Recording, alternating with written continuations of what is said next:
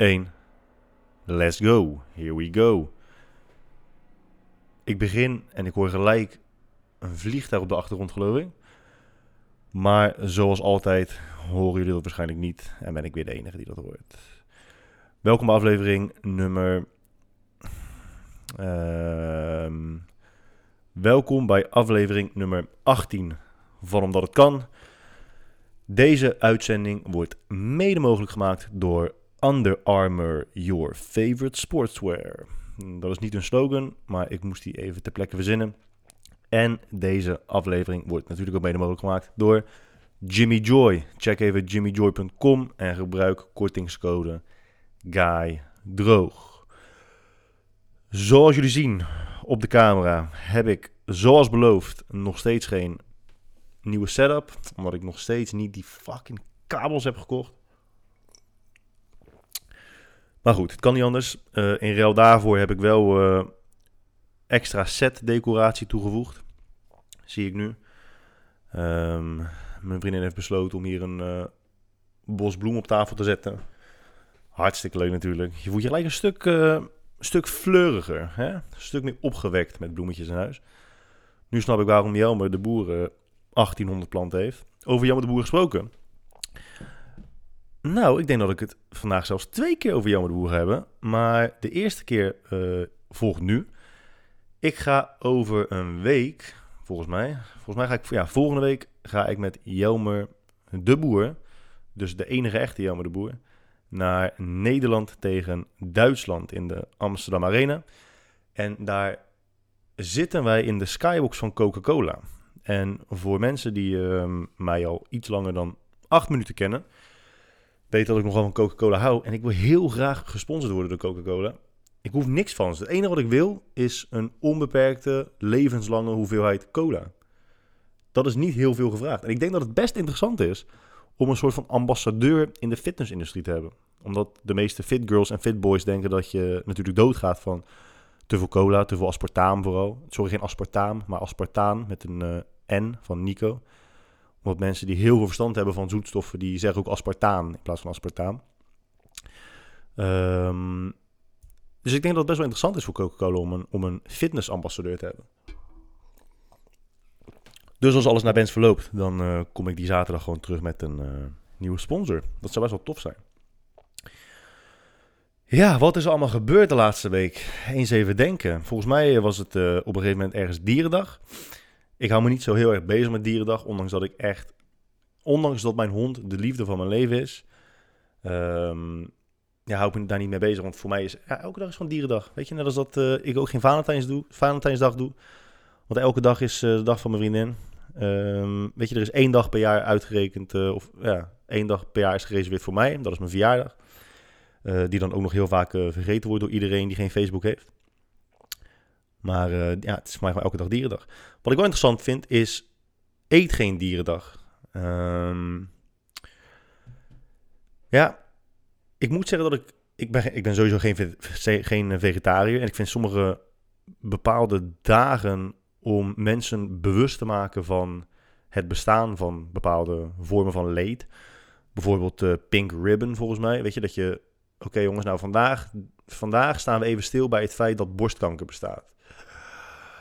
Ja, volgens mij weet iedereen wel sowieso dat borstkanker bestaat. En hoef je daar geen, uh, geen roze ribbon voor op je borst te plakken.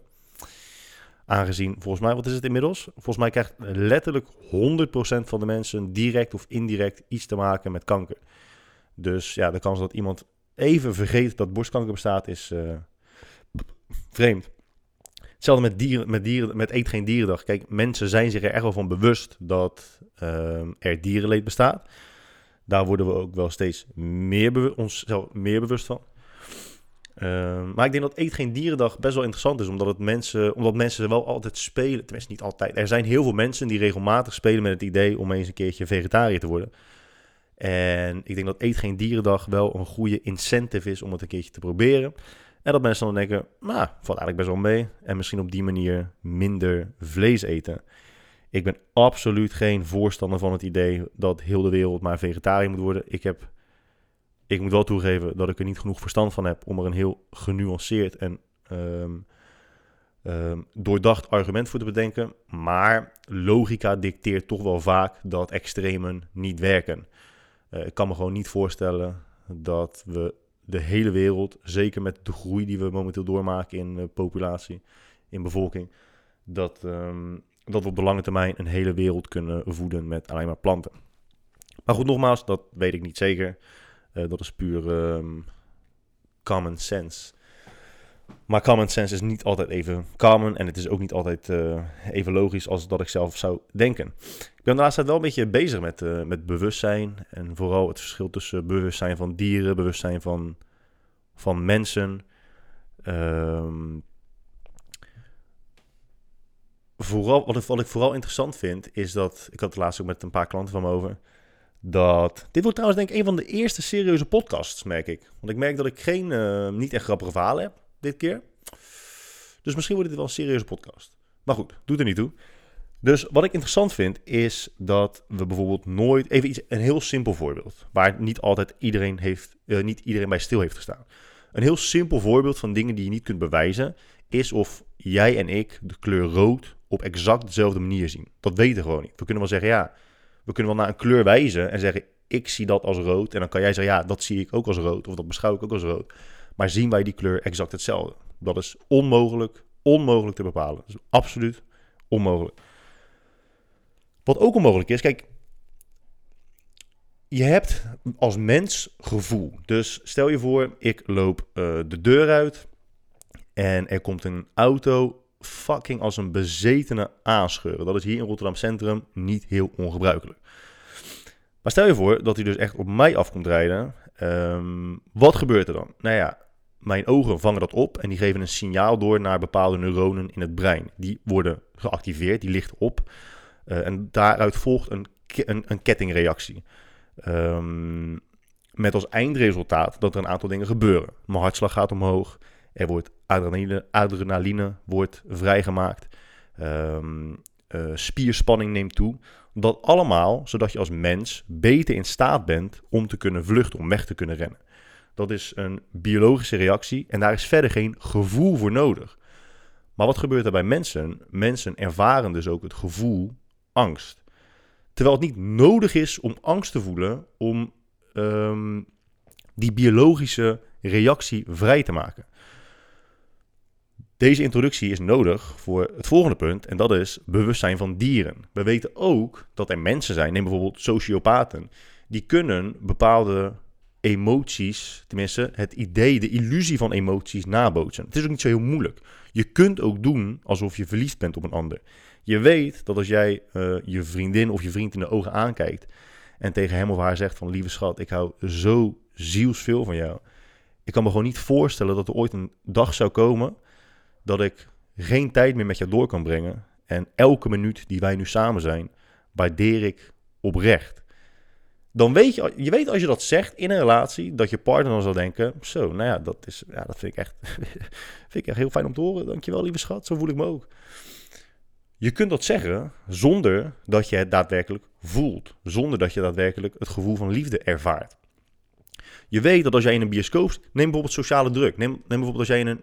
Het is bekend dat als jij in een bioscoop zit... of naar een stand-up uh, comedian gaat... hebben we het ook een keertje over gehad... dat je weet al vooraf dat dat de comediant in kwestie, of de film in kwestie, een comedyfilm is, of een comediant is. Logisch, een comediant is vaak een comediant. Je weet dat het grappig hoort te zijn. Dus op het moment dat er een grap wordt gemaakt, is de kans groter dat je lacht dan dat je alleen bent. Dus is de vraag: ervaar jij op dat moment daadwerkelijk het gevoel van humor? Van ik van holy shit, ik vind het oprecht grappig. Of is het een onbewust, onbewust algoritme die eigenlijk wordt geactiveerd, waardoor jij gaat lachen? Met algoritme in, dit, in deze context bedoel ik gewoon dat, stel je voor, jij gaat, met, met, jij gaat naar een Coca-Cola machine of een stoemmachine of whatever. En je denkt, ik wil een blikje cola. Dan stop jij er een euro in. En op het moment, nou ja, nee, dat, dat hoort trouwens ook bij het algoritme van, van het apparaat. Maar het algoritme van het apparaat bepaalt dus bepaalt welke stappen er genomen moeten worden, welke, um, welke dingetjes er geactiveerd moeten worden om uiteindelijk dat blikje cola in jouw handen te krijgen. Dat is het algoritme. Maar mensen hebben ook een algoritme. Um, en in deze context is dat dus, als jij gaat zitten en je ziet iets of iemand iets grappigs doen, weet je dat lachen hoort. Dus in die zin is het ook, kan het ook een algoritme zijn dat iemand in een relatie bepaalde dingen tegen jou zegt om bepaalde gevoelens bij jou los te maken of jou te overtuigen van iets. Uh, ja, in die zin is dat gewoon eigenlijk manipulatie. Kan het zijn, hoeft het niet per se te zijn. Maar de vraag is dus altijd: voel jij liefde of voel jij iets dat je grappig vindt op dezelfde manier als ik? Maar dat is onmogelijk om te weten, omdat het zo extreem subjectief is. En hoe dit verhaal dus helemaal terugkomt bij het dierenverhaal, is dat mensen eigenlijk nog niet weten of dieren daadwerkelijk voelen of echt, echt emotie ervaren zoals mensen dat doen, of dat ze um, reageren door middel van een onbewust of bewust algoritme. En dat vind ik echt heel interessant. En nu kun je natuurlijk zeggen, ja nee, dieren voelen ook, dat zie je toch aan hun ogen als ze, als ze verdrietig zijn. Ja, oké. je kunt inderdaad een dier in zijn of haar ogen aankijken en je eigen gevoel reflecteren op het beestje en denken, ja, maar ik herken gewoon verdriet in zijn ogen. Maar dat is niet altijd even goed bewijs. Hè? Ik snap wel dat je dat als bewijs wilt beschouwen, maar dat is het niet. Um, want wat er vaak gebeurt als het gaat om vegetari vegetariër worden of niet, of welke dieren eet je wel en welke dieren eet je niet. Um, waarom kan je een mug wel doodslaan, maar pak je geen kat van de straat en ram je zijn kop dwars door de muur heen? Waarom is het een erger dan het ander? Voor de meeste mensen geldt dat ze kijken naar, oké, hoeveel bewustzijn heeft zo'n beest, uh, zo'n beestje? Zo'n beest klinkt een beetje neerbuigend. Hoeveel, uh, hoeveel voelt zo'n dier? Um, is het een dier dat uh, in, een, in een groep leeft, in een roedel leeft? En kan het zijn dat hij gemist zal worden?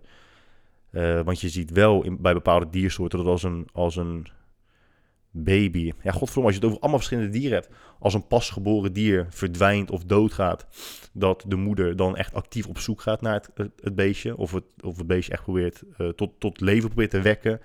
Um, en andere dieren die, die zien hun, kleine vermoord worden voor hun ogen en denken, eh, fuck it, weet je, en die, en die gaan weer door.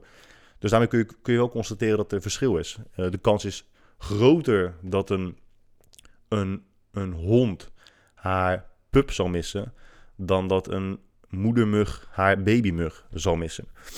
En dat zijn allemaal maatstaven waarmee mensen besluiten van... oké, nou, een mug kan ik wel doodrammen en een kat niet. Je zou ook kunnen zeggen, ja, een mug is mij tot last en een kat niet. Maar op basis van mijn laatste paar podcasts kun je concluderen dat er wel katten zijn die vier fucking erg tot last kunnen zijn. Die heel je tuin onderscheiden en um, geluiden maken van een speenvarken. Maar wat het meest interessante daarvan is, vind ik, is dat is cultuur. Hè, cultuur is eigenlijk gewoon een, een, een samenhangend en gezamenlijk idee van wat belangrijk, belangrijk zou moeten zijn. Um, in het boek van uh, uh, Noach Yuval Harari van Homo sapiens en Homo Deus. En hij heeft nu dat ook een nieuw boek, die heb ik nog niet gelezen. Uh, eh, 21 levenslessen voor de, voor de ik weet niet precies, zoiets. Hij heeft, hij heeft eigenlijk drie definities voor waarheden. Uh, ongeveer vergelijkbaar met die van Neil deGrasse Tyson. Neil deGrasse Tyson zegt: we hebben een subjectieve waarheid, we hebben een objectieve waarheid en we hebben een politieke waarheid. Politieke waarheid vind ik een beetje ja, overbodig. Ik, ik ga meer mee met uh, Harari in die zin. En dat is niet omdat hij ook een Israëliër is, uh, maar gewoon omdat ik het daarmee mee eens ben. Harari zegt: je hebt objectieve waarheden en dat is een waarheid die onbetwistbaar is, ook als wij dit niet meer zouden zijn. Dus bijvoorbeeld zwaartekracht. Als de mens massaal wordt uitgegroeid, zal zwaartekracht nog altijd bestaan. Uh, daar kun je gewoon niks aan veranderen. Dat is een objectieve waarheid, een objectieve, objectief feit. Dan heb je subjectieve waarheden, of een subjectieve realiteit, of een subjectief feit. Dat is, als ik mezelf nu in mijn wang knijp, dan ben ik absoluut de enige in de wereld die weet hoe ik dat ervaar. Zelfs als met kleuren uh, zien. Jij kunt wel in je eigen wang knijpen en zeggen: Ja, ik weet precies hoe jij het ervaart en wat jij voelt, maar dat is, dat is gewoon dat is niet waar. Je kunt met geen mogelijkheid weten of wij het knijpen in onze wang op dezelfde manier ervaren. Dus dit is een subjectieve waarheid. Hij gebruikt volgens mij in zijn boek een ander voorbeeld, ook een sterk voorbeeld. Tenminste, ook een sterk voorbeeld. Voorbeeld. Daarmee zeg ik dat mijn wangknijp voorbeeld een sterk voorbeeld is, maar dat is niet se zo. Hij zegt, um, stel je voor dat je naar de dokter gaat omdat je fucking pijn in je hoofd hebt. En dan ehm, krijg je bijvoorbeeld paracetamol. Je neemt paracetamol, het gaat niet weg. Vervolgens ga je naar het ziekenhuis, worden er allerlei testen gedaan. En uit geen enkele test blijkt dat er iets mis is met je. Maar jij ervaart nog steeds hoofdpijn. Dus dat is een subjectieve waarheid. Subjectieve realiteit. Ik weet niet of die waarheid gebruikt of realiteit. subjective reality of subjective, subjective truth. Voor mij realiteit. Maar goed, maakt niet uit. En dan heb je nog collectieve uh, subjectieve waarheden. En volgens mij noemt hij dat uh, intersubjective truths of reality. En een collectieve subjectieve waarheid is eigenlijk een, een, een, een. Het is niet een objectieve waarheid, maar het is iets waar we wel massaal in geloven. Dus waar we met z'n. We hebben, we hebben allemaal dat stukje fictie in ons hoofd zitten. Neem bijvoorbeeld wetten, neem geld, neem regels, neem uh, goden, neem ons land. En denk ja, wat lul je nou uit je nek? Maar zie het zo. Een wet ontstaat eigenlijk, heel simpel gezegd, door een regel in een boek te schrijven. En een wet verdwijnt in die zin net zo makkelijk als dat het ontstaat. Dus op het moment dat er een regel in een boek wordt geschreven, als wij dadelijk met z'n allen van 6% BTW naar 9% BTW gaan, geloven wij gewoon met z'n allen, nou, dit, dit is de nieuwe realiteit. Hier moeten we gewoon met z'n allen aan voldoen. En dat is gewoon niet anders. Maar die waarheid, tussen aanhalingstekens, ontstaat gewoon door niks anders dan iets in een boek te schrijven en het door te voeren. En als we op een gegeven moment weer zeggen, ja, het wordt nu weer 5%, dan wordt het gewoon weer 5%. Dus het is, iets wat we allemaal um, in ons hoofd hebben zitten en er met z'n allen gewoon klakkeloos uh, in geloven en aan voldoen. Uh, ja, godsdienst vind ik ook een echt een heel, heel mooi voorbeeld daarvan. Er zijn tien, tien, tienduizenden goden in de wereld als je alle uh, religies bij elkaar optelt. Ik ben atheïst. Maar als ik tegen een, een christen of een jood of een moslim zou zeggen: Ik ben atheïst, dan vinden ze dat waarschijnlijk gek. Dan denken ze maar: Hè? Ben je nou serieus? Hoe kan je nou niet in een God geloven? Hoe kan je nou niet in Allah geloven? Hoe kan je nou niet in Yahweh geloven? Hoe kan je nou niet in uh, een van de vele Hindoestaanse goden geloven? Maar jij als moslim, of jij als, als jood, of jij als christen, gelooft ook in de meeste goden die bestaan niet. Jij kiest ervoor om in heel veel goden niet te geloven, behalve één. En als atheïst ga je maar één god verder. Dus eigenlijk is iedereen die gelovig is, is meer atheïst dan niet-atheïst. In die zin dat ze in meer goden niet geloven dan wel geloven.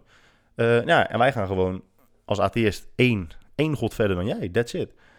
Um, maar ja, we zijn er gewoon een, klein beetje van overtuigd dat onze eigen normen, uh, onze eigen normen en waarden belangrijker zijn dan, dan die van anderen. Hè? Die, zijn, die zijn objectief, die zijn niet subjectief. Nee, nee, nee, mijn God is niet subjectief. Het is geen, niet onderdeel van de collectieve subjectieve realiteit waar we het net over hadden. Uh, mijn geld, het briefgeld wat ik in mijn zak heb, dat is echt. Er zijn landen waarbij gewoon besloten is van, nou ja, luister jongens, uh, alle briefjes van 50, 100, 200 en 500 zijn gewoon niet meer rechtsgeldig. En dan, dan, dan ben je gewoon fucked door een hele simpele, simpele uh, beslissing van de mensen hogerop. Is gewoon een groot deel van jouw geld niks meer waard. Dus ja, hoe, hoe waar is dat dan? En ik begrijp, ik begrijp dat het best wel zweverig klinkt, hè. Maar ik vind het gewoon verbazingwekkend om na te denken hoeveel dingen we doen. Omdat, omdat we denken dat het zo moet zijn. We hebben het ook uh, al een paar keer over relaties en zo gehad. En dat is ook een mooi onderdeel daarvan. Hè? Heel vaak beoordeel je de kwaliteit van je relatie op basis van, je, van hoe je denkt dat het hoort te zijn. En hoe je denkt dat het hoort te zijn is voor 99,99% ,99 niet bepaald of beïnvloed door jezelf en je eigen wil en je eigen wensen. Van jongs af aan tot aan de dag van vandaag wordt jou verteld en uitgelegd en wijsgemaakt hoe een relatie zou moeten zijn. En als jouw relatie daarvan afwijkt, heb je het idee dat het niet klopt. Maar hoeveel mensen denken nou daadwerkelijk na over wat ze echt, echt, echt willen in een relatie met vrienden of met een partner? Uh, denken daarover na en communiceren daar open over. Ik denk niet heel veel. Uh, als, ik, als ik in, uh, of als, als een van de luisterende mannen nu in Saudi-Arabië zou zitten bijvoorbeeld, of tenminste ik weet niet of dat nog steeds daar zo is, maar even als voorbeeld, er zijn in ieder geval landen waar het nog steeds wel mag. mag je meerdere vrouwen hebben. Als zij van ons horen van, oh, hè, wacht even, zij, zij hebben maar één vrouw. Dat is gek. Wij hebben er negen. Voor hun, voor hun, is, het, voor hun is negen vrouwen hebben net zo normaal als voor ons één vrouw hebben. Maar waarom zijn er nou niet gewoon heel veel Nederlanders of heel veel Saudi-Arabiërs die gewoon nadenken en denken, nou, even los van cultuur, los van ongeschreven en geschreven maatschappelijke regels, wat wil ik als individu? En ik snap, kijk, ik zeg niet dat we moeten overschakelen naar een land zonder regels, zonder structuur. Hè. Dat, dat, dat is echt niet wat ik, wat ik zeg. Ik snap wel dat je, dat je bepaalde structuren nodig hebt, bepaalde wetgeving nodig hebt. Zeker als het gaat om, um, om chaos te voorkomen. Maar dit soort dingen veroorzaken geen chaos. Dit is gewoon puur, dit is bijna traditie. en, mondje. En het hele concept van cultuur en mensen zoals wij vind ik zo'n interessant concept dat we er zelfs een, uh, een les aan hebben gewijd in uh, Be The Brand. Als je gaat naar guidedroog.com slash Be The Brand, dan uh, zie je een uh, marketing slash branding videocursus van mij en Michael Servino. En wat ik nu gewoon ga doen voor jullie, is ik ga gewoon dat hoofdstuk erbij pakken en ik ga die gewoon lekker even voorlezen. En uh, ja, wat ik zei, het is uh, anders dan de meeste podcasts. Maar misschien dat nu iemand ertussen zit die denkt, ja, hier heb ik eigenlijk wel iets aan. En misschien dat je nu al af bent gehaakt omdat je denkt, ja, gast, ik weet niet hoeveel, jij, hoeveel, drugs je op hebt. Maar ik uh, zit hier niet op te wachten. Kom maar lekker terug met je diarree verhalen. Ah, over diarree gesproken. Ik moest vandaag met Kiba uit bed. Was half vijf of zo. Um, ja, was echt niet te doen. Was echt niet te doen. Had zo erg diarree. Godverdomme. Het is nog dat als je dan om half vijf naar buiten gaat, dat je mensen tegenkomt. En niet een paar, maar, maar best wat. En ik kan je verzekeren dat als jij om half vijf ochtends in Rotterdam Centrum mensen tegenkomt, dat dat over het algemeen geen mensen zijn die je tegen wil komen. Hmm. Even kijken, mensen zoals wij. Ik ga hem er gewoon bij pakken. Ja, het is best interessant. Gaat ook over. Ja, is wel leuk. Dus uh, de les, hoe wij hem noemen, heet Mensen zoals wij doen deze dingen. Zou jij ooit katten eten of honden? Dat is een vraag die je ongetwijfeld wel eens aan iemand gesteld hebt of gesteld hebt gekregen. Ik in ieder geval wel. En het antwoord op die vragen lijkt me vrij duidelijk. De kans is groot dat jij en ik daar allebei nee op zeggen. Sterker nog, jij, net als ik, vindt waarschijnlijk de gedachte alleen om misselijkmakend en afhankelijk van hoe emotioneel je bent, moet je er niet te lang over nadenken om te voorkomen dat je in tranen uitbarst. Um, maar als jij en ik in China geboren waren, een gebeurtenis waar wij totaal geen invloed op hebben, en je deze video keek waarin ik je dezelfde vraag stelde, dan was je reactie anders dan nu. Mensen hebben verschillende smaken, voorkeuren, ideeën en kernwaardes. Dat is niet genetisch, want genetisch zijn we grotendeels gelijk aan elkaar. Even tussendoor, ik maak altijd onderscheid tussen cultureel en biologisch. En ergens in de samenleving hebben we besloten van ja, het, het, culturele wordt nu belangrijker in heel veel aspecten dan het biologische. Verdergaand met de les is. Uh, de reden hiervoor is duidelijk en kan verfrissend zijn. Mensen zoals wij, zoals wij doen deze dingen. Het gaat nu niet om, om de ideeën waar we het hiervoor over hebben gehad, niet de behoefte aan veiligheid of zekerheid. Dat gaat over een vorige les. Voor bijna iedereen geldt dat ze hun hele leven zichzelf allerlei vragen stellen bij het maken van keuzes. Wat zullen mijn vrienden hiervan vinden? Wat zal mijn baas hiervan zeggen? Wat zullen mensen hiervan denken? En op basis van dat soort vragen kun je antwoorden bedenken als: Mensen zoals ik hebben een fulltime baan, want wij willen geen uitkering. Mensen zoals ik gaan graag uren in de rij staan voor de nieuwe iPhone, want wij willen de eerste zijn. Mensen zoals ik gaan niet met het openbaar vervoer, want wij willen laten zien dat we een mooie auto hebben. Mensen zoals ik delen onze goede daden altijd openbaar, want wij willen anders laten zien, anderen laten zien wat we voor de wereld doen. Dat betekent niet dat je geen rebels gedrag kunt vertonen, iets dat tegen de standaard ingaat, maar dan kies je er nog steeds bewust voor, kies je er nog steeds bewust voor om het op de manier te doen van de buitenstaanders. Iedereen is zich bewust van de omgeving waar hij of zij zich in verkeert. Dat is een van de eigenschappen die ons als mens onderscheidt van andere soorten. We vergelijken onszelf met anderen en begrijpen waar we staan ten opzichte van hen. Er is niemand in onze beschaving die volledig geïsoleerd leeft van de buitenwereld, onbewust van alles wat er omheen of haar gebeurt en compleet origineel is in zijn doen en laten. Kunstenaars of zelfs sociopaten doen wel regelmatig dingen die je als origineel kunt beschouwen, maar ook zij zijn zich bewust van anderen en op welke manier zij in de wereld staan.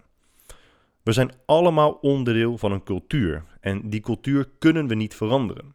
Maar het mooiste is dat we wel de potentie hebben om onze eigen mini-cultuur te kunnen maken of veranderen. Aan de basis van elk bedrijf, elk project, elke interactie staat verandering centraal. En voor welke verandering wil jij zorgen? Iets verkopen, iemand informeren, het beleid veranderen, de wereld verbeteren, in populariteit toenemen. Verandering teweeg brengen is ontzettend moeilijk, omdat iedereen altijd handelt op een manier dat overeenstemt met je innerlijke monoloog. Daarom kun, je over het, daarom kun je over het algemeen niet iemand iets laten doen dat ze niet willen. De innerlijke stem zegt nee, dus de gepaste reactie daarop volgt. Het niet doen van datgene dat ze niet willen doen.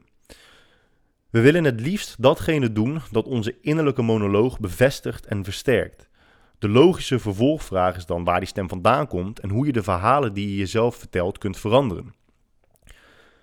We maken, we maken nauwelijks keuzes die niet beïnvloed worden door buitenaf. De meeste keuzes zijn gebaseerd op het idee dat we hebben van de groep waar wij onszelf tot rekenen. Daarom kopen wij biologisch eten, of we doen het niet, omdat we het onnodig duur vinden. Daarom gooien wij lege bierflessen naar de ME tijdens een voetbalwedstrijd, omdat de groep waar wij bij horen dat ook doet. Daarom dragen wij een donkerblauw pak met cognacbruine schoenen, omdat dat in ons hoofd de succesvolle versie van onszelf is. Godverdomme. Daarom dansen we op festivals allemaal op dezelfde hippe manier.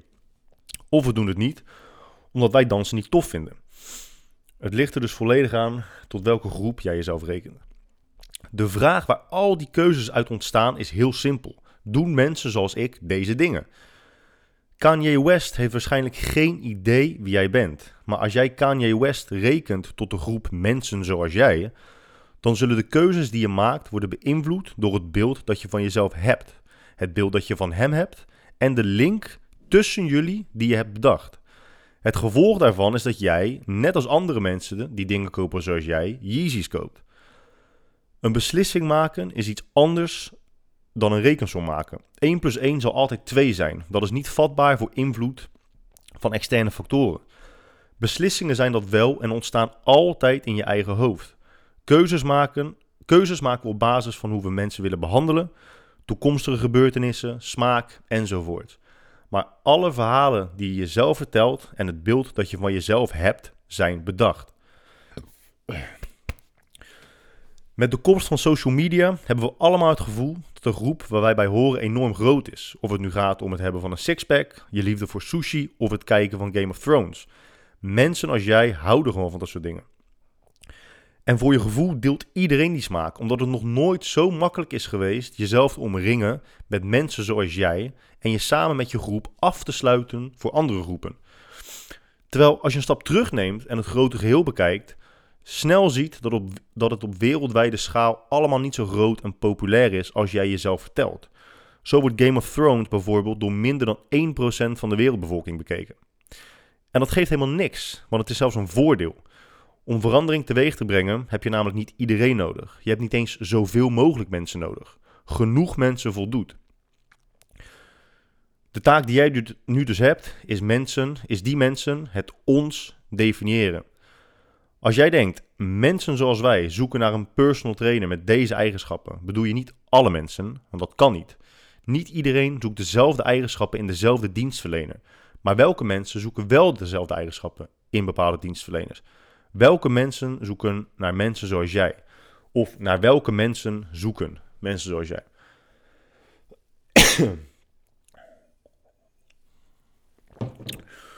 nou, en dan ga ik nog even verder over uh, de opdracht die. Uh,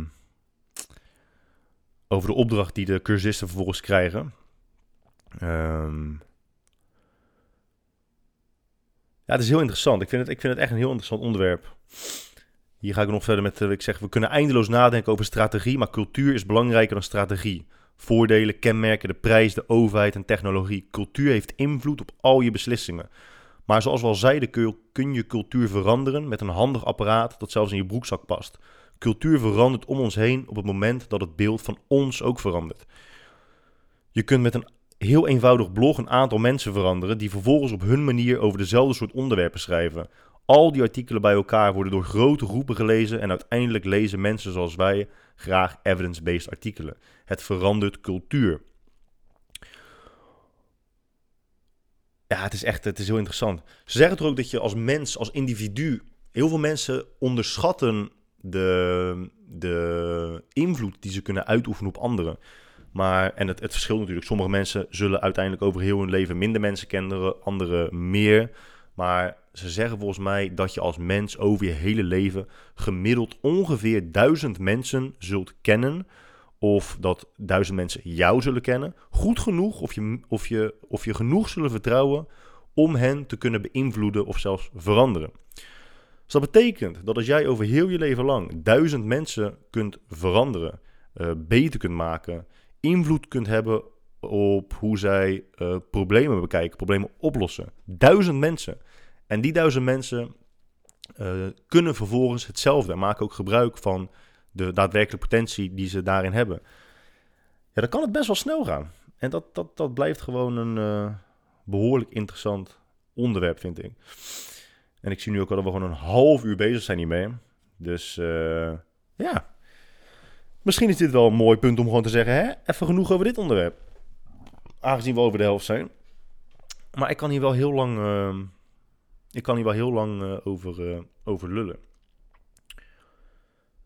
Kijk, een ander extreem voorbeeld is, er zijn mensen... Ik ga er gewoon over doorfakken. een ander extreem voorbeeld is dat je hebt bijvoorbeeld vrouwen die in relaties blijven... Um, terwijl ze mishandeld worden. Hè? En dan zeggen ze, ja, maar het is verder een hele goede man. Kijk, wij oordelen daarover... En ik probeer het absoluut niet goed te praten. Want dit is, nogmaals, dit is een extreem voorbeeld. Alleen maar om even in perspectief te plaatsen... dat minder extreme voorbeelden...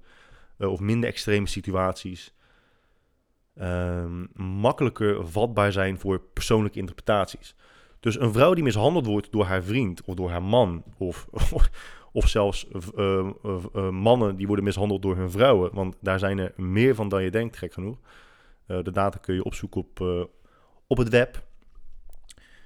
Die denken dat ze, die kunnen ervan overtuigd zijn en het zelfs voelen dat ze nog steeds hartstikke veel van hun partner houden en bij hem of haar willen blijven. Maar je voelt toch de maatschappelijke druk om hem of haar te verlaten, omdat je gewoon weet dat het niet hoort. Het hoort niet. Maar ja, volgens wie niet? Er is. Kijk, er zijn natuurlijk wel geschreven regels voor het niet mogen mishandelen van je medemens. Uh, dus dat maakt het nog moeilijker om te denken: ja, dit is voor mij eigenlijk wel gewoon goed. Zo mag het voor mij wel zijn. Maar er zijn dus mensen die dat vinden. Um,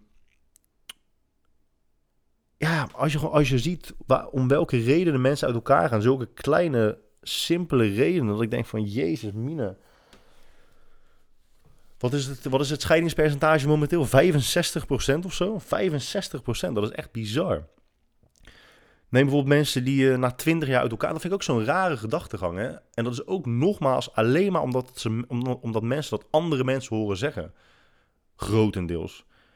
Dat als je na 20 jaar uit elkaar gaat met je partner, dat je dan zegt: Ja, we hebben 20 jaar weggegooid. Hoe de fuck heb je 20 jaar weggegooid?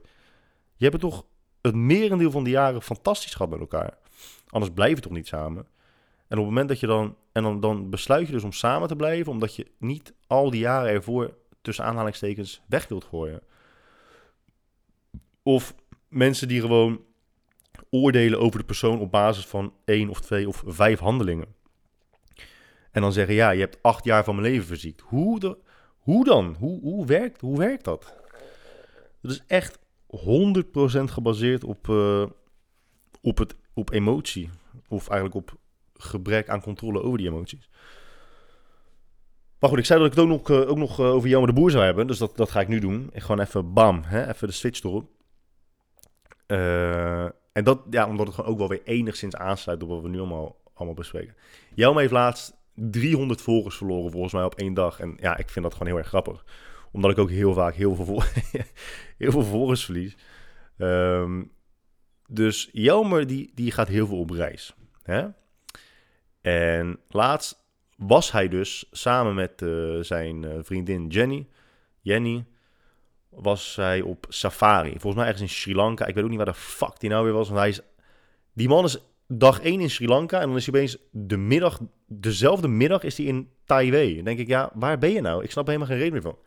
Volgens mij was hij in Sri Lanka en ze hadden dus een driedaagse of tweedaagse, weet ik veel. Ze hadden in ieder geval een safari op een rivier. En ik vermoed dat je dat een riviersafari noemt. Dus hij doet die safari en hij post uh, in zijn story post die video's en foto's van die safari. En van alle diertjes die zij hebben gezien. Vervolgens krijgt hij dus een, zoals altijd, ongevraagde tip van iemand die zegt: Nee man, je moet uh, naar die en die rivier safari, want dan kan je die en die dieren zien. Bro, ik ben op dit moment bezig met die safari die jij mij als tip geeft. Alle dieren die jij nu opnoemt, heb ik al gezien. Dus wat is dit voor rare fucking tip? Even serieus. Zit hij in een hotel en dan reageert iemand met: Nee, je kan beter naar dat hotel gaan. Oké. Maar dat is dus heel de dag zo. Ik heb er ook.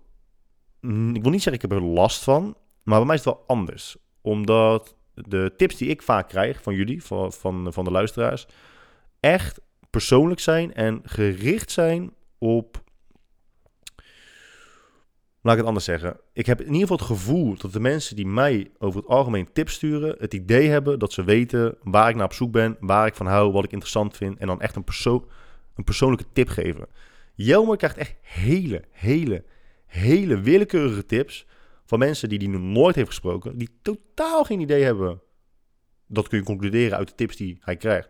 Die totaal geen idee hebben van wat hij leuk vindt, waar hij van houdt, uh, wat zijn voorkeuren zijn. Dus hij maakt daar gewoon een post over. Van jongens, luister. Um, kijk, ik begrijp dat jullie uh, goed in... Nee, kijk, dat, nee, dat zei hij niet. En dat is denk ik de fout die hij heeft gemaakt. Dat is wat bij heel veel mensen in het verkeerde keelgat, keelgat schoot. Hij had moeten zeggen, vind ik, hij had niks moeten zeggen, want um, hij moet zeggen wat hij wil zeggen. Ik had in zijn situatie gezegd, ik begrijp dat jullie mij tips geven met goede intenties, maar ik vind het alsnog dom. Um, omdat een tip geven is best wel iets, persoonlijks. Okay? Als jij, uh, bewijs daarvoor is, als jij een cadeautje wil kopen voor iemand waar je van houdt, dan ga je niet aan Janne allemaal vragen: hey, uh, grappies, mijn beste vriend is jarig volgende week, wat moet ik voor hem kopen? Omdat je dan elke tip onder de fucking zon krijgt. Als jij een cadeau wil kopen voor een van je beste vrienden, dan vraag je tips aan zijn partner, aan zijn familie, aan zijn beste vrienden, aan zijn beste vriendin of haar beste vriendinnen. Omdat je persoonlijke, relevante tips wilt ontvangen. Je kan niet op Instagram aan mensen die je niet kent gewoon willekeurige tips geven en dan hopen dat ze zeggen: nou daar heb ik veel aan gehad, gozer. Hartstikke, hartstikke bedankt. En daarnaast, je gaat zelf de godverdomme ook wel eens op vakantie. Je weet dat als je op vakantie gaat, dat je het merendeel vaak al invult. Je weet wat je wilt zien, je weet waar je wil gaan eten. Je kan niet opeens komen met, hey dude, luister, ik weet dat je in... Uh, leuk dat je een week naar Nederland komt en dat je, op, uh, dat je in Limburg verblijft. Maar als ik jou was, zou ik echt even een dagje vrijmaken om naar een of andere bagelshop te gaan in Friesland. Daar zit niemand op te wachten. En hoe de fuck denk je, waarom denk je dat ik van bagels hou? Ik hou helemaal niet van bagels. Dus rot op met je fucking tips. Ik heb ook wel eens, dat, laatst was ik in Tel Aviv en dan sturen mensen tips. En dan moet ik zeggen, ja, bedankt, maar ik ben echt al zo vaak in, in Tel Aviv geweest. En nogmaals, ik snap dat het met goede intentie wordt, dat het met goede intentie wordt gedaan. Een ander goed voorbeeld. Ik was in Berlijn en uh, een, uh, een uh, dame die ik ken, Michelle van Woensel, die stuurde een berichtje met: Heb je tips nodig voor Berlijn? dat is een goeie. Dan kan ik zeggen: Yes, alsjeblieft. Toen kwam ze met tips en aan die tips heb ik ook echt wat gehad. Maar vraag het eerst. Of, weet je, ja, ben je al vaker daar of daar geweest? Um, zo niet, dan heb ik nog wel wat tips voor je. Ben je er al voor de 300ste keer? Ja, wellicht kan je mij nog wat vertellen. Maar goed, iedereen werd helemaal gek van zijn, uh, van zijn post. Hij was een narcist. Hij was, uh, het was hem naar zijn kop geschoten. Hij wist niet waar hij het over had. dus honderden mensen ontvolg je dan. Maar wat ik wel interessant vind, is dat er niemand gewoon eens nadenkt over wat de beste man zegt. Van, oh ja, interessant. Misschien moet ik inderdaad iets veranderen aan de manier waarop ik tips geef. Maar ik denk dus dat, dat de enige, het enige wat hij had kunnen veranderen is erkennen dat hij tips krijgt met goede intenties.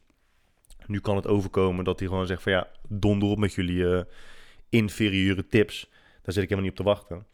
Maar misschien ook niet. Misschien dat mensen gewoon echt serieus alles wat zij zeggen tegen je, uh, dat ze van jou verwijzen en wensen dat je het serieus neemt. Uh, ik, had, oh, ik had het trouwens ook. Uh, met, um, ik had ooit een keer een video geplaatst van dat ik geïrriteerd was over van die mensen die dan 50 rijden waar je 50 mag rijden. Weet je, had ik een, had ik een gast geplaatst die aan het rijden was, hij reed 50 waar je 50 mag rijden. En nogmaals, ik zet erbij ah, van die mensen die 50 rijden waar je 50 mag. Ik had laatst een, uh, een, uh, een uh, video geplaatst van een man in, in Stockholm, volgens mij ja, die met een korte broek aanliep. Oude man, hele korte broek. Had ik erbij gezegd, uh, it's Britney, bitch. Dat is gewoon grappig. Maar wat doen mensen dan? Ja, weet je, waarom denk je nou dat je beter bent dan anderen? Wat een arrogante lul. En nu kan je denken, ja, dit lul je uit je nek, dit verzin je alleen maar zodat je hier iets over kan vertellen. Maar dat is echt zo. Er zijn heel veel mensen die gewoon zo zijn. Het merendeel niet. Uh, het is echt wel de minderheid, maar er zijn echt mensen die zo zijn. En het ironische is, en dat is ook uh, in Jomers geval zo, mensen bekritiseren mensen die kritiek hebben op anderen. Dus ik heb kritiek. Yo, ik heb, ik heb trouwens puur humoristisch, hè, het is als grap dat ik zeg, hey, weet je, waarom rij je naar 50 waar je 50 mag? Dus ik heb soort van kritiek op mensen. En mensen hebben vervolgens kritiek op mij dat ik kritiek heb op anderen. Zie je niet hoe godverdomme ironisch dat is? En erger nog, zie je niet dat wat jij doet erger is dan wat ik doe. Of dan wat jou me doet. Want wat wij doen is gewoon een observatie van, van algemeen gedrag. Hè? Het is niet dat ik zeg, hey, kijk die oude dibbes daar is met zijn, met zijn teringkop. Kijk hem nou eens lopen. Wat een motherfucking idiot. dat doe ik niet. Maar jullie doen dat wel op het moment dat jullie kritiek hebben op ons. Jullie gaan zitten en dan echt een heel doordracht en soms ook echt fucking lang betoog schrijven over waarom wij douchebags zijn, over waarom wij arrogant zijn.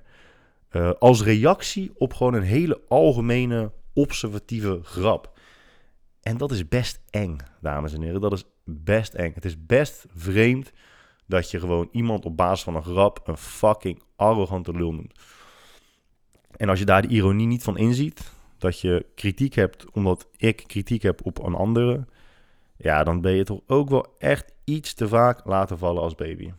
Maar misschien ook niet, hè. Misschien dat jij dat gewoon als normaal beschouwt. Daar hebben we het net over gehad. Het is allemaal, het merendeel is gewoon hartstikke, hartstikke subjectief. Maar wat ik dan denk, en dat toevallig moet ik daar vanavond aan denken, want dan zie ik een grap voorbij komen. Zo'n nep-tweet, of tenminste een echte tweet, maar van zo'n meme-pagina. Dat iemand zegt van, in het Engels dan, uh, de grap was... Kun je je voorstellen hoe raar het zou zijn als je urine, urine een andere kleur zou hebben dan rood? Kijk, ik vind dat echt heel grappig, want de, het zit hem gewoon in de, in de simpliciteit. Het is zo'n simpele grap. Maar je denkt echt van, hè, is deze motherfucker nou serieus? Heeft, hij nou echt het idee dat urine rood hoort te zijn? Hetzelfde als met wat we in een van de eerste podcasts hebben besproken. Dat, je, dat mensen die zittend hun reet afveren, die denken dat dat zo hoort. Um, en weten over het algemeen niet dat er heel veel mensen zijn die hurkend of, of staand hun reet afvegen. Terwijl mensen die staand of hurkend hun reet afvegen, weten wel dat er heel veel mensen zijn die zittend hun reet afvegen. Maar wat is nou goed en wat is nou verkeerd? Wat hoort nou? Ja, dat maakt echt allemaal geen ene tyfus uit. Het is wat je zelf wil. Um, maar dus het mooie met die grap is dat mensen gaan twijfelen of dat je nou serieus bent of niet. En dat, dat vind ik dan best een extreme grap. Hè? Van, nou, kun je je voorstellen dat je urine... Een, kun je je voorstellen hoe raar het zou zijn als je urine een andere kleur zou hebben dan rood? Ik maak dan wel eens een grap. En dan denk ik vooraf van, oké, het kan echt absoluut niet zo zijn dat iemand denkt dat ik hier nu serieus mee ben. Dat kan gewoon echt niet zo zijn. Maar ja, het is dus. Uh, het is echt altijd het geval. En ik, ik overdrijf echt absoluut niet. Absoluut niet. Het maakt niet uit hoe transparant de grap is. Er zijn altijd altijd mensen die denken dat je serieus bent. Verder irriteert me dat niet. Het zit me alleen een beetje hoog. Ik had nog een notitie gemaakt. Dat cultuur, de cultuur om je heen is bepaald door de fictieve realiteit die mensen om je heen in hun hoofd hebben. Ja, dat kunnen we op een tegeltje zetten. De cultuur om je heen is bepaald door de fictieve realiteit die mensen om je heen in hun hoofd hebben. En eigenlijk ook de verhalen die, zichzelf, die ze zichzelf vertellen. Want je moet eerst iets in je hoofd. De, nou, kan allebei de kant op. Je hebt iets in je hoofd. Je vertelt jezelf verhalen erover. Waarom is het goed? Waarom is het slecht? Waarom zou ik het anders moeten doen? Waarom zou ik het zo moeten houden?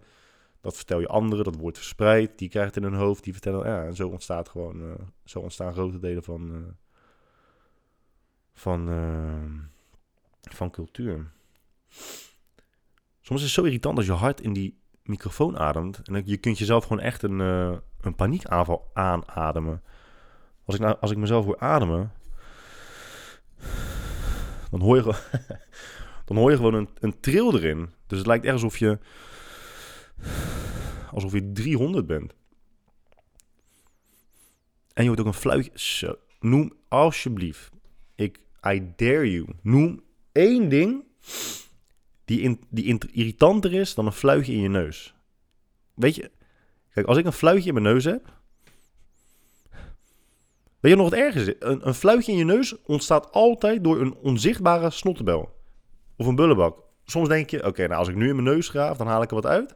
En dan zit er gewoon niks. En dan denk ik, waar de fuck komt dit fluitje vandaan? En als ik een fluit in mijn neus heb, kan ik niet eens nadenken. En dan zijn er gewoon mensen die kunnen slapen hè, met, een fluit, met een fluit in de neus. Samantha die, uh, die ligt soms uh, naast me te slapen en dan komt er gewoon een orkest uit de neus. En dan denk ik, hoe kan dat nou? Ik snap er helemaal niks van. Ik snap dan echt niet dat je kan slapen. Ik ben dan altijd heel obsessief, weet je. Dan moet ik echt graven en dan doe ik soms ook gewoon water in mijn neus om, in de hoop dat het geluid gewoon stopt. Maar ja, je kunt geen uh, onzichtbare entiteiten stoppen. Die blaast ook... zo, nu zit ik zo... Nu ben ik zo geïrriteerd door, die, door dat door dat fluitje. Die blaast met uh, Rogier, een vriend van mij, iets, uh, iets, uh, iets meer op leeftijd. Hij is 37. Liep ik in het stad op de, op de lijnbaan. En we zagen een, een, groep meisjes voorbij komen. Ik denk drie, vier meisjes van een jaar, wat zal het zijn, 18 à 20. En ik hoor ze praten. En ik kijk naar Rogier en hij kijkt naar mij. En we dachten exact hetzelfde. Ik zeg tegen hem, heb jij nou ook gewoon dat als je die mensen hoort praten, dat je zo'n enorme kloof voelt tussen, die, uh, tussen, tussen jezelf en tussen hun. Weet je, toen ik, toen ik 18 was, 19, 20, 25, toen dacht ik altijd van ja, het gaat mij nooit overkomen dat ik zoals mijn ouders word. Hè? Dat ik gewoon technologie niet ga begrijpen. Dat ik uh, niet weet wat dit knopje doet. Dat ik niet weet wat dat knopje doet. Dat ik niet weet wat die uitspraak betekent of dat woordje betekent. Dat gaat mij gewoon niet gebeuren. Ik blijf altijd gewoon een hippe motherfucker en niemand gaat mij wat maken. Nu ben ik 30. Fucking 30. En dan hoor ik de generaties voor me praten en dan denk ik, oké, wat? Sorry, kun je, dat nog, kun je dat keer herhalen? Want ik heb echt geen idee wat je net zei. Echt totaal niet. Ik, was, ik dacht dus ook echt dat als je memes bekijkt op het internet en dan de, de captions eronder leest, weet je, dat mensen woorden uh, fam gebruiken, weet je, FAM, WhatsApp fam, uh, side bitch, uh, uh, heb je ook het idee dat als je uh, zegt dat je dan beter na kan denken? Het enige wat er gebeurt is dat je echt als een dipshit klinkt. En waarschijnlijk minder goed na kan denken. Maar het helpt toch altijd een beetje voor mijn gevoel. Maar goed, dat zijn dus bepaalde woorden waarvan, waarvan ik dacht... dit wordt alleen maar op social media gebruikt. Maar mensen zeggen die shit dus echt. Ik hoor dus echt gewoon op straat wel eens... ja, hij denkt dat ik zijn side bitch ben... of hij behandelt me als een side bitch... Oké, en als iemand anders jouw bitch noemt, dan is het, is het dan beledigend? Of is het, mag dat tegenwoordig wel? Mag je vrouw tegenwoordig bitch noemen? Of mag je alleen jezelf side bitch, main bitch noemen? Is het dan oké? I don't get it. Ik snap er helemaal, echt helemaal niks van. Maar de conclusie daarvan is dat je gewoon oud wordt. Of dat de wereld te snel verandert, ik weet het ook niet. En je kan het ook echt allemaal totaal niet bijhouden. Maar en het is lastig, hè? Het is heel lastig om, Kijk, op jonge leeftijd denk je gewoon echt dat je weet wie je bent en dat je het voor elkaar hebt. Niet per se voor elkaar hebt financieel of qua carrière. Maar dat je er gewoon, je denkt vaak gewoon van ja, ik ben wel geaard. Hè? Ik, uh, ik ben down to earth. Ik uh, weet wat mijn identiteit is. Ik ben blij met hoe ik nu ben. En het erge is dat je nooit van ouderen wil horen dat je nog jong bent. Want ja, je denkt, hé, hey, wat ga je mij nou vertellen? Ik ben fucking 18 hè, brada, ik ben 20. Wat ga je mij vertellen, Mattie? Ik ben fucking ervaren. En toen ik nog jonger was dan dat ik nu ben, ik zeg daarmee niet dat ik oud ben, ik zeg alleen maar dat ik jonger was. Toen ik dat dacht dat ik jonger was dan dat ik nu ben. Ik was ook iemand die heel vaak zei: Nee, luister, je leeftijd is maar een getal. Maar je leeftijd is niet alleen maar een getal. Het is in de meeste gevallen een redelijk betrouwbare indicatie van hoeveel je hebt meegemaakt. En natuurlijk zijn er altijd uitzonderingen. Hè? Ik weet, ik weet dat jij het zwaar hebt gehad in je leven. Ik weet ook dat er mensen zijn, kinderen zijn van 5, van 8, van 15, van 20. Die uh, helaas ook trouwens meer mee hebben moeten maken, meer verslechteringen mee hebben moeten maken dan sommige mensen in, in drie levens mee zullen maken. Tuurlijk, die uitzonderingen zijn er. Maar in de meeste gevallen is het een vrij betrouwbare indicatie van hoeveel je hebt meegemaakt. Van hoeveel mensen je hebt leren kennen die je door situaties heen hebben kunnen trekken, waar je uiteindelijk van kunt leren. Uh, het is een, een redelijk betrouwbare indicatie van hoeveel je over jezelf te weten bent gekomen. Je hebt, het, ja, het is gewoon. Je hebt gewoon meer tijd gehad om na te denken over alles. Letterlijk alles. Je hebt meer tijd gehad om na te denken over alles. Ervan uitgaande dat je wel eens je brein gebruikt om na te denken. Dus je leeftijd is echt niet alleen maar een getal. En ik moet eerlijk zeggen, mensen vragen, stellen wel eens de vraag aan je op hele willekeurige momenten. Als je, net, als je samen zes whisky op hebt. Van ja, als je terug in de tijd zou kunnen gaan, wat zou je dan anders doen? Ik denk oprecht dat ik ouderen serieuzer zou nemen. En mezelf minder serieus. Op dit moment, hoe ouder ik word. Oh god. Hoe ouder ik word, hoe minder serieus ik mezelf neem. Uh, dat kun je ook concluderen op basis van het feit dat ik net een slok Jimmy Joy inslikte. Die ik vanochtend heb uh, gedronken. Um, ik zou ouderen serieus nemen. Niet alle ouderen. Ik zeg daarmee niet dat iedereen die. Dat, Oké, dat is ook een kanttekening. Ik zeg ook niet dat iedereen die ouder is daadwerkelijk meer ervaring heeft dan dat jij hebt. Of meer weet dan dat jij weet. Of meer tijd heeft genomen om na te denken over van alles en nog wat. Um, maar er zijn er wel heel veel die dat, uh, die dat wel hebben. Dus luisteren naar, naar ouderen zou ik wel hoog op het lijstje plaatsen van dingen die ik anders zou doen. Waarom ik nu nadenk over dingen die ik anders zou doen, ik heb geen idee, want ik ben niet van plan om uh, dingen helemaal drastisch om te gaan gooien nu. Maar het is gewoon een interessante gedachte die ik kreeg op basis van uh, de observatie dat ik ja, oud word. En gewoon uh, echt een kloof voelt tussen mij en, en, jongere generaties. En dat is best wel interessant om, om mee te maken. Ja, ja, ja, ja, ja, ja, ja. Hmm. Ja. Ik weet niet waar ik het nog over wil hebben, jongens. Ik zit even na te denken. Wil ik nog iets bespreken? Nou, ik heb net uh, met Doan zijn Volvootje opgehaald. Is die ook heel blij mee. Doan is, uh, ja, heeft een Volvo gehaald.